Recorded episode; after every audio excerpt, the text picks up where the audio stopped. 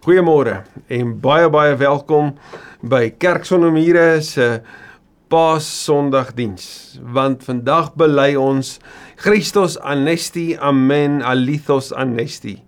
Die Here het opgestaan. Amen. Die Here het waarlik opgestaan. Dit was die belydenis van die begin van tyd af. Dit was wat Christene vir mekaar gesê het, wat die kerk vir mekaar gesê het en die antwoord daarop was altyd Maranatha. Hy kom weer. So as jy by ons inskakel vandag van waar ook al dit is op hierdie pragtige kontinent wat ons Afrika noem of op hierdie pragtige ronde bal wat ons die wêreld noem wat ons as ons huis ken, nee, ons woning ken. Hierdie plek waar die Here kom besoek het, waar hy kom besoek aflê het en die prys kom betaal het namens ons. Ons sê vir jou baie baie baie welkom en mag ons vandag in ons saam wees hierdie groot belydenis juis vier. Die belydenis dat Jesus opgestaan het. As jy dit dalk nog nie deel nie. As jy dalk net toevallig ons glo nie in toeval nie, maar as jy dalk vandag net hier inskakel omdat iets jou hierheen getrek het, wil ek vir jou ook sê van van harte welkom en stap saam met ons, dink saam met ons en en en mag die die proses jou ook ontmoet op die plek waar jy is op jou reis in die lewe en ons sal dit ook sê met die Here. Kom ons bid saam. Here Jesus. Dit is vir ons die wonderlikste en beste nuus om te kan bely die graf is leeg, die Here het opgestaan. Hy het waarlik opgestaan. Op hierdie dag, hierdie dag van feesviering, hierdie dag van blydskap en van oorwinning want die Die dood is oorwin, die sleutels van die doodryk is geneem. Die Here leef. Is dit so wonderlik om te weet ons dien die Here. Die Here wat sy lewe gegee het. Op hierdie dag wanneer ons die hoogtepunt van hierdie reis uiteindelik bymekaar bring met die mooiste belydenis, bid ek so o Heilige Gees dat U vir ons op die die reis wat U tot op Here met ons geneem het, dat U dit vir ons ook op hierdie laaste stuk so spesiaal en so kosbaar sal maak as wat dit tot op hede was. Dankie dat ons kan saamstap, dat ons kon beleef, kon meeleef, kon ervaar en kon toepas.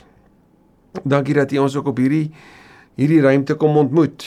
Vir van ons is dit 'n 'n 'n eensame plek waar ons afgesonder is. Vir van ons is dit tussen my mense. Vir van ons is dit op vakansie in die natuur, waar dit ook al is maar dat U ons kom ontmoet en dat ons nooit alleen sal wees nie.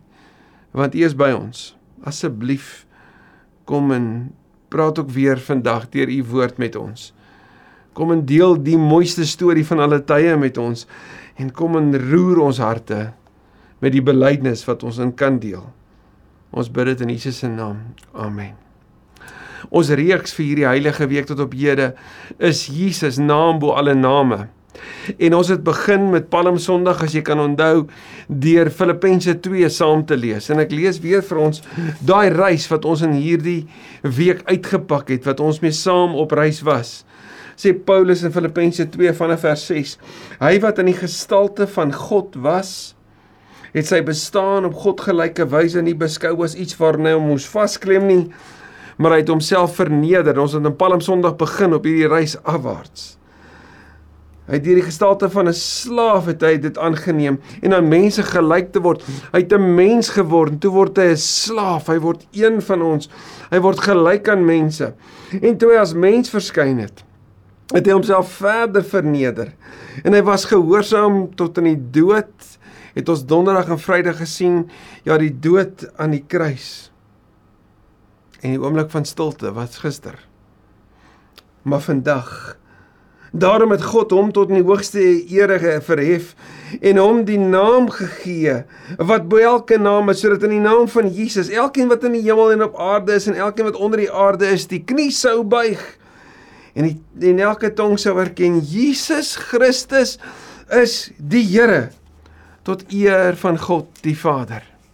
Hierdie woord die Here wat in die in die Ou Testament die woord Jahwe was en is hierdie woord wat soos ons op goeie Vrydag gesien het sigbaar was aan die kruis.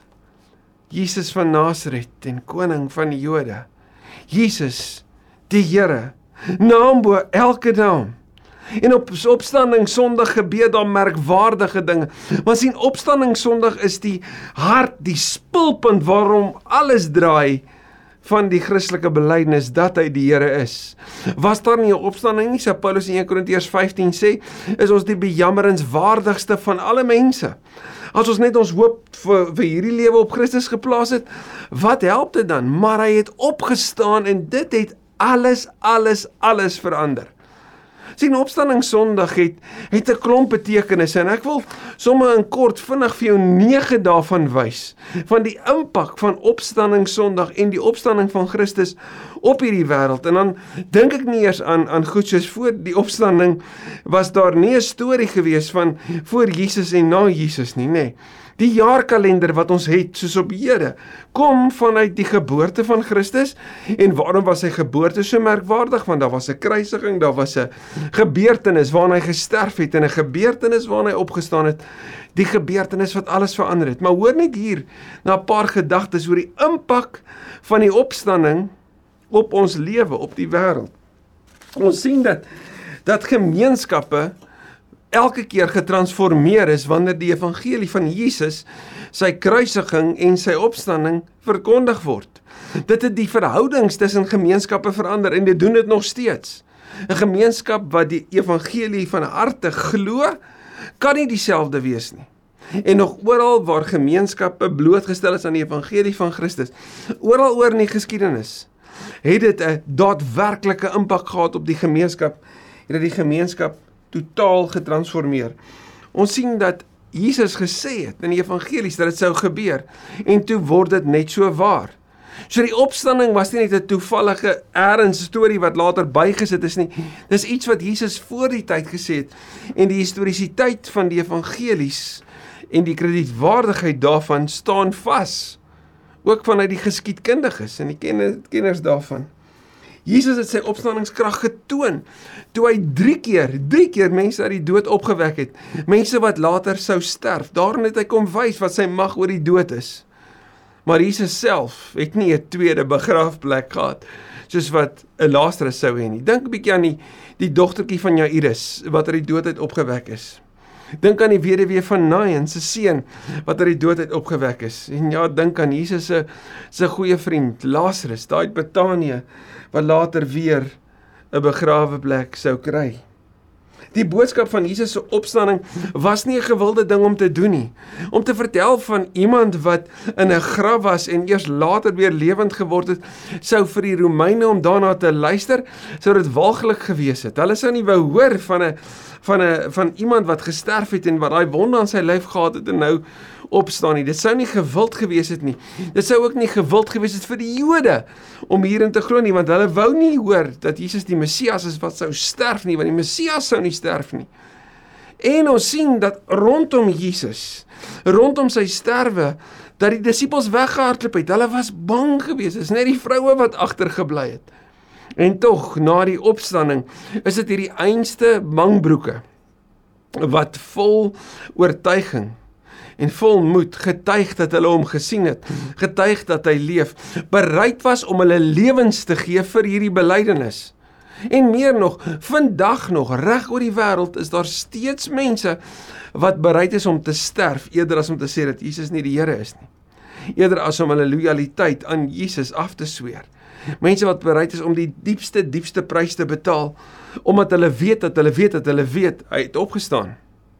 Chuck Colson skryf byvoorbeeld hy wat deel was van die Water, Watergate skandaal dat 12 van die sterkste leiers in Amerika van daai tyd wat die mense met die grootste invloed in die wêreld van daardie tyd kon nie 'n geheim vir 3 weke hou nie. Wat nog 'n klomp bangbroeke wat wat sou vashou aan 'n leen as 12 van die wêreld se topleiers nie aan 'n leen kon vashou nie. Wat nog van mense wat aanvanklik weggehardloop het. Hoe sou hulle nog hulle lewe daarvoor wou gee? Die waarskynlikheid is 0. Maar die feit dat hierdie mense bereid was om volmoed die die prys te betaal, hulle lewe te gee.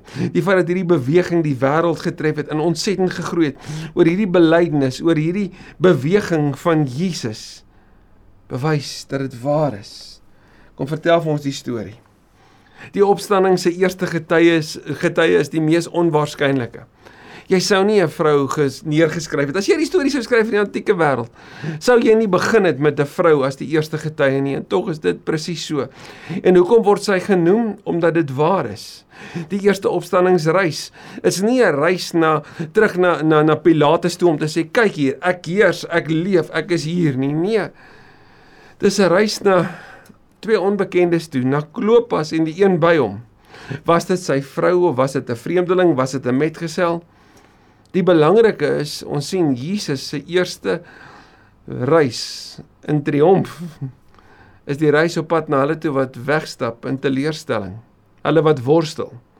Op niets kom sê dit vir jou en my hoe waar dit is. sien die Bybel kom verbloem nie die die feit dat die disippels nie verstaan het nie, nie begryp het nie, dat hulle getwyfel het, dat hulle weggehardloop het. Trouwens in Markus lees ons van die een wat kaal weggehardloop het. Maar al hierdie hierdie ware verhale word ingesit nie omdat dit ongewild is of of om een of ander sensasie te bou nie, maar omdat dit waar is en jy sou dit nie in 'n wêreld van eer en skaamte neerskryf nie. Opstanding is waar. Geskrewe argeologiese tekste vanuit die wêreld van van Jesus bewys dat hy opgestaan het.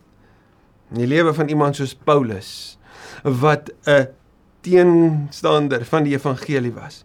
'n Teenstander van die beweging was, is radikaal verander omdat hy die opgestane Jesus ontmoet het. 'n Teenstander van die van die disippels, 'n boetie van Jesus wat op 'n stadium Jesus weet kom besoek het en wou hom kom kom kry het en as dit ware kom sê het maar hy van sy kop af omdat hy vertel het van die koninkryk noem Jesus sy Here en sy God. Hy sê hy's 'n dienaar van Christus.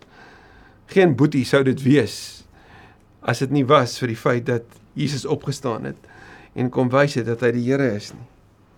En ons sien dat die opstanding uiteindelik ook regtig betekenis gee en hoop gee aan die lyding van hierdie wêreld. Die een proses hoe ek en jy lyding kan sien en kan verstaan, die een pad wat ons kan stap, is die pad van die kruis deur die dood tot lewe en dis moontlik om aan die ander kant die diep seer van lyding te kom omdat Jesus opgestaan het, omdat hy self gelei het. Hebreërs sê dit in hoofstuk 2 en hoofstuk 4. So die opstanding is kardinaal belangrik en as ons vandag kyk na 'n paar karakters op daardie opstanningsdag wat gebeur in die eerste 8 dae, dis in daardie opstanningsdag en dan 'n week later wanneer hulle weer bymekaar is aan die einde van Johannes dan sien ons verskillende karakters maar elkeen met 'n bepaalde rol en plek wat opnuut vir jou en my kom sê, maar hou vas aan die opstanding en wil jy nie die belydenis saamkom deel dat Jesus die Here is nie. Ons lees saam uit die tweede laaste hoofstuk uit die evangelie van Johannes. Johannes 20 vanaf vers 1. In Sondagmôre vroeg vir die Jode sou dit dag 3 gewees het. Teenoor hierdie tot op hierdie stadium het die Jode geglo dat sou dit moontlik wees dat iemand sou sterf en in 'n graf is teen dag 3 is daar nie meer 'n gees en liggaam bymekaar nie, so daai persoon is volledig dood. Jesus is op 'n regte manier begrawe. Die graf was geseël geweest. Daar's wagte voorgeplaas. Die seël van Pilatus was daar opgeplaas geweest en die die die die wagte sou hulle lewe gee om dit te beskerm. Die klomp bangbroek disippels was ver weg gewees. Hulle sou nie eers gewag het om naby die gewapende garnisoen soldate wat daar was te kom nie. Maar die Sondagmôre vroeg, toe dit nog donker was, kom Maria Magdalena by die graf en sien dat die klip weggerol is. Sy het daar aangekom na die plek waar haar Here begrawe is na die plek waar sy toegelaat sou word om die klip weggerol te kry sodat sy sy liggaam met speserye sou kon behandel, maar wanneer sy daar aankom, is niemand daar nie. En die klip is weggerol. Die eerste getuie is hierdie belangrike vrou Maria Magdalena. 'n vrou wat in die in die weet argiewe van die kerk in die in die in die tekste van daardie tyd beskryf was as 'n besondere disipel, navolgeling van Christus, iemand wat ook in die Handelinge gemeente 'n rol sou speel. Iemand wat ons gereeld sien na vore kom, iemand wat nie weggebly het of weggehardloop het toe Jesus aan die kruis gehang het nie. Iemand deur uit wie daar sewe demone uitgedryf was. Iemand wat bevry was deur Christus, hierdie boodskap van vrymaking. Hy wat wat die waarheid sal ken, wat die seun natuurlik is, is waarlik vry en ons sien dit in haar lewe. Sy is die getuie wanneer sy daar kom, sien sy die klip is weggerol. En nadat sy dit gesien het, hardloop sy terug. En sy word die eerste getuie van wat sy beleef het. Sy hardloop toe en gaan na Simon Petrus en na die ander disipel toe vir wie Jesus baie lief was. En ons sien dat hierdie twee figure is so belangrik ook in die die gebeure daarna want hoekom? Want Spreuke sal vir jou my sê dat die getuienis van twee bevestig dat dit waar is. Twee of drie bevestig dat dit waar is. Maar hoekom Simon Petrus en die een vir wie Jesus lief is? Want een wie wie Jesus lief is, is die skrywer hiervan. En dit is natuurlik Johannes. Johannes wat saam met sy sy boetie Jakobus bekend is as die Boanerges die seuns van die donder. Hulle wat bekend was vir hulle woede en vir hulle uitsorteer van mense. Wanneer hy in die opgestane Christus vasloop, wanneer Jesus se lewe kom raak, dan word hy die geliefde disipel. Dan verander sy hart en Johannes is saam en natuurlik is hy en Petrus die twee pilare van die kerk van daar af voor en toe saam met Jakobus natuurlik. Maar Johannes en Petrus, hoekom Petrus? Want Petrus ook van hom word vertel dat hy Jesus verloon het. Dat ek sê ek ken hom nie. Hierdie man by wie Jesus gebly het, hierdie man met die met die huis in Kapernaum, hy is nog steeds daar. Hy het nie weggehardloop nie, teruggegaan Kapernaum toe nie. Hy is nog steeds daar in Jerusalem. En die wonder en die skok van wat alles gebeur het. Waarskynlik nog besig om in sy eie kop te werk met hoekom het jy nee gesê? Hoekom het jy 3 keer gesê jy ken hom nie? Jesus sal later vir hom 'n kans gee om 3 keer te sê ek het U lief. Maar hier kom Johannes en Petrus en dan staan hulle het na die graf toe gehardloop, nê? Nee? Hulle die Here uit die graf weggevat en sy vir hulle gesê en ons weet nie waar hulle hom begrawe het nie. Petrus en die ander disipel het toe uitgekom en na die graf toe gegaan. Die twee het saam begin hardloop. Interessant. Nou sê Johannes, maar die ander disipel het vinniger as Petrus gehardloop en eers by die graf gekom. So tipiese manlike opmerking, dink jy nie? Nee. Toe hy vooroor buig, sien hy die doeke lê, maar hy het nie ingegaan nie. Interessant. Hoekom sou die doeke in die graf wees? As die liggaam gesteel sou wees, sou die doeke nie daar wees nie. As dit 'n opstanding was soos met Lazarus, sou die doeke nie meer daar gewees het nie. Maar wat kom sê die doeke? Want die doeke verteenwoordig die dood. En die lewende het nie die kleed van die dood meer nodig nie. Hy het 'n koningskleed, 'n oorwinningskleed nodig. As natuurlik ander simbole wat daaroor beskryf word en daar daar's hierdie hierdie hierdie een narratief of hierdie een hoek daarop wat en is regtig mooi. Maar wat sou sê dat wanneer jy doeke sou opvou en dit daar bære dan sê jy kom terug. Want 'n gas wat nie sou terugkom nie sou die linne gelos het, maar want sodat dit gewas kan word, maar 'n gas wat sê ek kom vanaand weer terug. Ek kom weer terug, ek keer weer terug, sal die doeke opvou en dit daar bære was dit dalk hier in 'n betekenis, 'n beskrywing of voorwysing dat Jesus sou terugkom. 'n mooi beeld. Maar wat ons weet is dat die die doeke van die krib en die doeke van die kruis kom sê vir jou en my, dis die pad wat Jesus kom stap het. Natuurlik sou ons kon sê wanneer ons Jesus in doeke sien, word hy in 'n krib neergelê, 'n voerbak en in 'n graf. Dis wat gebeur wanneer Jesus homself oorgee in die hande van die mens. Maar ons sien hierin iets van die oorwinning En Johannes sien die doeke en dan kyk mooi wat dit van Petrus vertel. Ek bedoel na hom het Simon Petrus ook daar aangekom en hy het die graf ingegaan. Anders as Johannes gaan Petrus verby want ons ons Petrus leer ken as die een wat eers doen en dan dink. En eh, 'n uh, Jood sou nêrens in 'n graf sou ingaan nie want 'n graf was mos 'n onrein plek, dis 'n plek van die dooies. Maar hier is nie die plek van die dooies nie, die plek van die lewende. So Petrus gaan in. En toe hy sien dat die doeke daar lê, so ook hy bevestig dit en die getuies van twee bevestig dat dit waar is. Ook die doek wat om Jesus se kop was. Die doeke het in ja, uh, ekskuus, die doek het nie by die ander doeke gelê nie, maar was eenkant afsonderlik opgerol. So die bewyse dat Jesus hier was. Daarna die ander disipel wat eerste by die graf gekom het ook ingegaan en hy het dit ook gesien en geglo gesien en geglo, nie blinde geloof nie gebaseer op feite. Hulle het nog nie nog nie die skrif verstaan dat Jesus uit die dood sou opstaan nie. Weer 'n so mooi beskrywing van hoekom ons nie opstanding kan glo want selfs die nie verstaan van die disippels word nie verbloem nie. En niemand sou hierdie kon uitdink en sê, hoorie maar kom ons begin 'n storie van mense wat nie verstaan nie. Inteendeel, dit sou duidelik mos wees. En tog word die nie verstaan hier ook geopenbaar en daarna die disippels weer huis toe gegaan. Vol nie verstaan nie. Maar Maria het buite by die graf bly staan en nou is ons weer terug by Maria Magdalena. En terwyl sy huil, het sy vooroor gebuk om in die graf in te kyk. Dis sien sy twee engele met wit klere daar sit waar die liggaam van Jesus gelê het en waar die kop in die een en die ander by die voete was. En en en terwyl sy die engele sien, die engele wat in die Ou Testament simbool was van van God se teenwoordigheid, kom sê dit ook iets van die bonatuurlike gebeurtenis wat hier plaasvind. God is hierby betrokke. Hierdie is nie 'n mensehandeling nie. Hierdie is 'n bonatuurlike gebeurtenis wat hier gebeur het. Hulle vra toe vra mevrou, "Waarom huil jy?" Sy antwoord hulle omdat hulle my Here weggevat het en ek nie weet waar hulle hom begrawe het nie. Nadat sy dit gesê het, het sy omgedraai en vir Jesus daar sien staan. Maar sy het nie geweet, hoor weer die nie weet nie. Maar sy het nie geweet dat hy is nie. Jesus vra haar toe: "Mevrou, waarom huil jy en vir wie soek jy?" Sy het gedink dit is die tuinopsigter. En sy het hom gesê: "Meneer, as u hom weggevat het, sê net vir my waar u hom begrawe het en ek sal hom daar gaan haal." Iets van stories wat in daai tyd kon gebeur het van hulle het hom gevat en geskuif. Maar alles wat hier gebeur, wat hier voor ons lê, sê vir ons dit sou nie so gewerk het nie, nê? Nee? Hier is dit vir haar gesê Maria. En daar hoor sy sy stem en sy hoor haar naam. En herinner haar nie aan Maria van Magdala nie. En Magdala reken sommige is bekend vir vir hulle straatlewe gewees en daarom die feit dat sy sewe demone uit haar uitgedryf gekry het, beteken dalk dat sy 'n verlede sou gehad het wat baie blootgestel was aan die straatlewe van daai tyd met die straatvroue van daai tyd.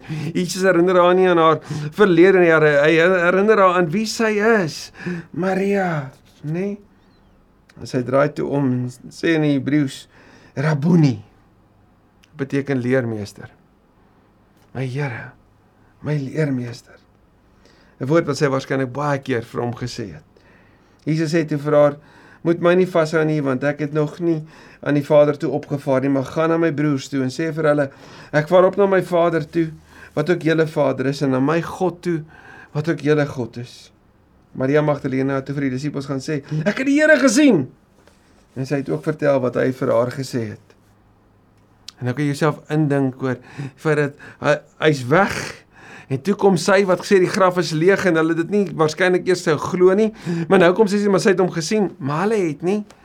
So wat nou? Nou is dit Sondag aand en hulle is by mekaar en kyk wat gebeur hier. Daardie Sondag aand was die disippels weer by mekaar. Alhoewel die deure gesluit was omdat hulle bang was vir die Jode, het Jesus gekom en tussen hulle gaan staan en hy het hulle gesê: "Vrede vir julle." In hierdie tyd van van geweldige onvrede en ongemak en onrustigheid kom bring Jesus en kondig Jesus God se Shalom, sy vrede oor hulle. Hy kom kondig dit aan. Nadat hy dit vir hulle gesê het, wys hy sy hande en sy sy vir hulle En die disippels was baie bly toe hulle hom sien. Die feit dat hulle Jesus se hande en Jesus se sy sien, sê vir jou en my, Jesus se opstanding was nie maar net 'n simboliese gebeurtenis nie, dit was nie maar net 'n metaforiese gebeurtenis nie. Hy het fisies uit die dood uit opgestaan met die merke aan sy hande en die merke aan sy sy. En hulle kon dit sien en hulle kon glo. So hulle het gehoor en hulle het gesien en hulle het geglo.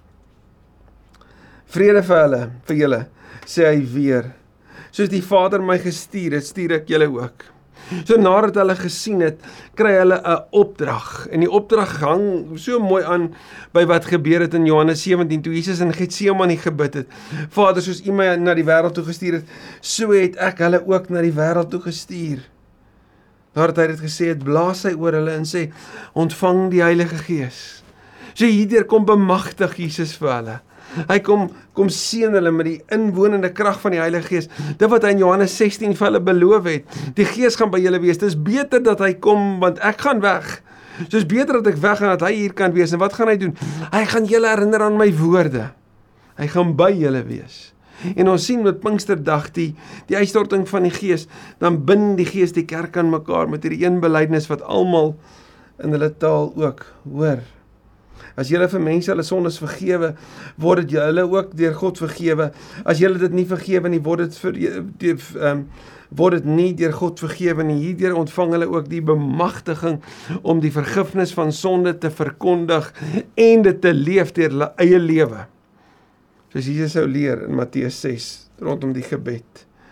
En dan hierdie ekstra persoon wat ons wat ons sien wat nie hier is nie, wat nie deel hierin nie, maar wat so 'n belangrike rol op hierdie opstanningsgebeure is, wat eintlik die hoogtepunt van hierdie hoofstuk ook vir jou en my is. Thomas, wat ook Didymus genoem is. Thomas was een van 'n tweeling, dis wat Didymus beteken ook. Ons sien hy was een van die 12. En op hierdie aand, omdat hy een van die 12 is, beskryf natuurlik hy was een van die 12 apostels wat Jesus gekies het, maar op hierdie aand natuurlik was daar nie 12 nie, want Judas was nie daar nie. Thomas wat een van die 12 was, was nie by die disippels toe Jesus gekom het nie. En en nou kom hy by en Jesus is nie meer daar nie.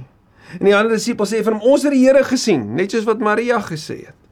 En ek wonder of die Emmausgangers van Lukas 24 op hierdie stadium dalk ook daar bygekom het om te sê ons het hom gesien, ons het saam met hom brood gebreek, ons het die merke gesien en ons kon erken dat hy die Here is. Wat sê Thomas vir hulle?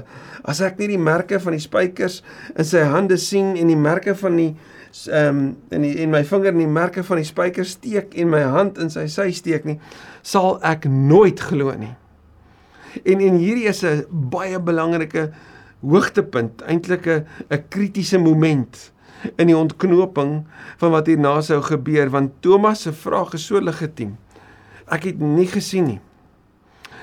Maar ek was deel van julle. Julle sê, maar ek deel dit nog nie.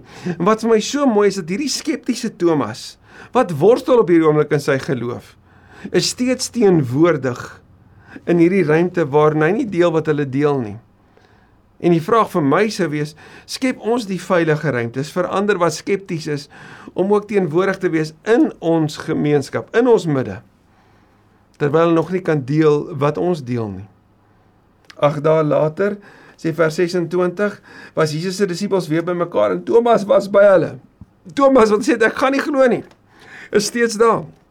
Hy voel steeds welkom. Hoe mooi is dit nie? Dat hulle hom nie weggejaag het nie. Maar hierdie persoon wat worstel is teenwoordig. En terwyl die deure gesluit was, het Jesus gekom en tussen hulle gaan staan en wat sê hy? Die derde keer wat ons dit sien hier in Johannes 20. Shalom. Vrede vir julle. Daarna sê hy vir Thomas, die een wat uitgemis het op die vorige, maar wie se belydenis nou so belangrik is, juis omdat hy eers gesê het ek gaan nie glo as ek nie weet nie. Maar hy's nou daar. Hy sê vir Thomas, bring jou vinger hier En wanneer Jesus praat, dan hoor ons dat Jesus sê, soos wat hy in Johannes 3 gesê het oor na, oor Nathanael, sê nou oor Thomas want hy het gehoor wat Thomas sê, hy het dit geweet al was hy nie daar nie. Nê? Nee? Bring jou vinger hier en kyk na my hande. En bring jou hand en steek hom in my sy. En moenie langer ongelowig wees nie, maar wees gelowig. Moenie langer worstel of stoei nie. Vat dit van harte. Paulus sal in die brief aan die Romeine skryf van mense wat van harte tot die geloof gekom het. Vat dit met jou alles. Moenie langer wegstoot nie. En dan kom Thomas. Hierdie persoon wat ons so maklik sou kon wegstoot. Dan kom hy na vore met 'n belydenis wat vandag nog die grondslag is en op hierdie pad van naam bo alle name waar Jesus die die seun van Dawid is. Jesus die leermeester is. Jesus die gesalfde is. Jesus uit Nasaret kom. Jesus die koning van 'n ander koninkryk. Jesus die gekruisigde. Jesus die een wat begrawe is. Jesus die een wat opgestaan het. Jesus Rabboni, die leermeester. Jesus wat op aan die kruis ons kon sien, hy's van Nasaret. Hy is die koning van die Jode. Hy's Jahwe, die naam bo alle name. Wat deel Thomas dan hier op hierdie hoogtepunt wanneer hy dit sien? Vers 28 en Thomas sê: "My Here en my God." Jesus word as God aangespreek en aanbid. Die naam bo alle name is die een wat opgestaan het, die een wat die leeu die stam van Juda is, die een wat op die troon gaan sit langs die die Vader, die een aan wie daar lof toe kom net soos aan die Vader, die een wat die weerlikheid en die lof waardig is. My Here en my God.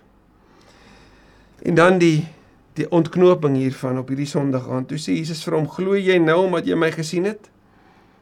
My vir jou en my. Gelukkig is die wat nie gesien het nie en tog glo. En dan ontknoop Johannes hierdie hele gebeure met twee baie belangrike verse. Vers 30 Jesus het nog baie ander wondertekens gedoen wat nie in hierdie boek opgeskrywe is nie. Hy het dit vir sy disippels gedoen. Ons was getuie daarvan. Maar hierdie wondertekens, hierdie wat ons nou beleef het, is beskrywe sodat jy kan glo dat Jesus die Christus is, die seun van God en sodat jy deur te glo in sy naam die lewe kan hê. En God het vir hom 'n naam gegee wat bo alle name is sodat in die naam van Jesus elke knie sal buig en elke tong sal bely dat Jesus die Here is tot eer van die Vader. Later sal Petrus skryf in 1 Petrus 1 vers 3: Aan God die Vader van ons Here Jesus Christus kom al die lof toe. In sy groot ontferming het hy ons die nuwe lewe geskenk deur die opstanding van Jesus Christus uit die dood. Nou het ons 'n lewende hoop op die onverganklike, onbesmette, onverwelklike erfenis wat in die hemel ook vir julle in bewaring gehou word. Alles staan en val by die opstanding. Jesus is die Here. Hy die naam bo alle name. Kan jy vandag sê my Here en my God? Kan jy vandag sê Here ek glo? Kan jy vandag sê Here ek glo dat toe u gesterf het was dit vir my? En ek sondige mens wil bid wees my sondaar genadig was my skoon en kom wees die Here van my lewe. Ek wil agter U aanstap en U volg. Ek wil deel in die erfenis. Ek wil glo soos wat Paulus sê daar in Romeine 10 dat ons wat glo dat Jesus uit die dood uit opgewek is en ons wat bely dat dit waar is dat ons gered word. Ons lees die apostoliese geloofsbelijdenis saam. Ek glo in God die Vader, die almagtige, die skepper van die hemel en die aarde.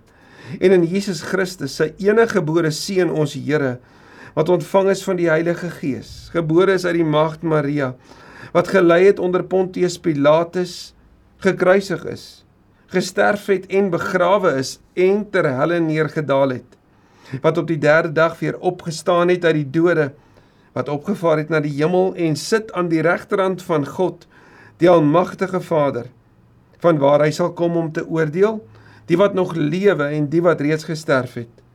Ek glo in die Heilige Gees. Ek glo aan 'n heilige algemene Christelike kerk, die gemeenskap van die heiliges, die vergifnis van sondes, die opstanding van die vlees en 'n ewige lewe. Amen. Amen. Geliefde in die Here, mag die genade van die opgestane Here in die liefde van God die Vader en die gemeenskap van die Heilige Gees met jou wees totdat Jesus weer kom. Amen.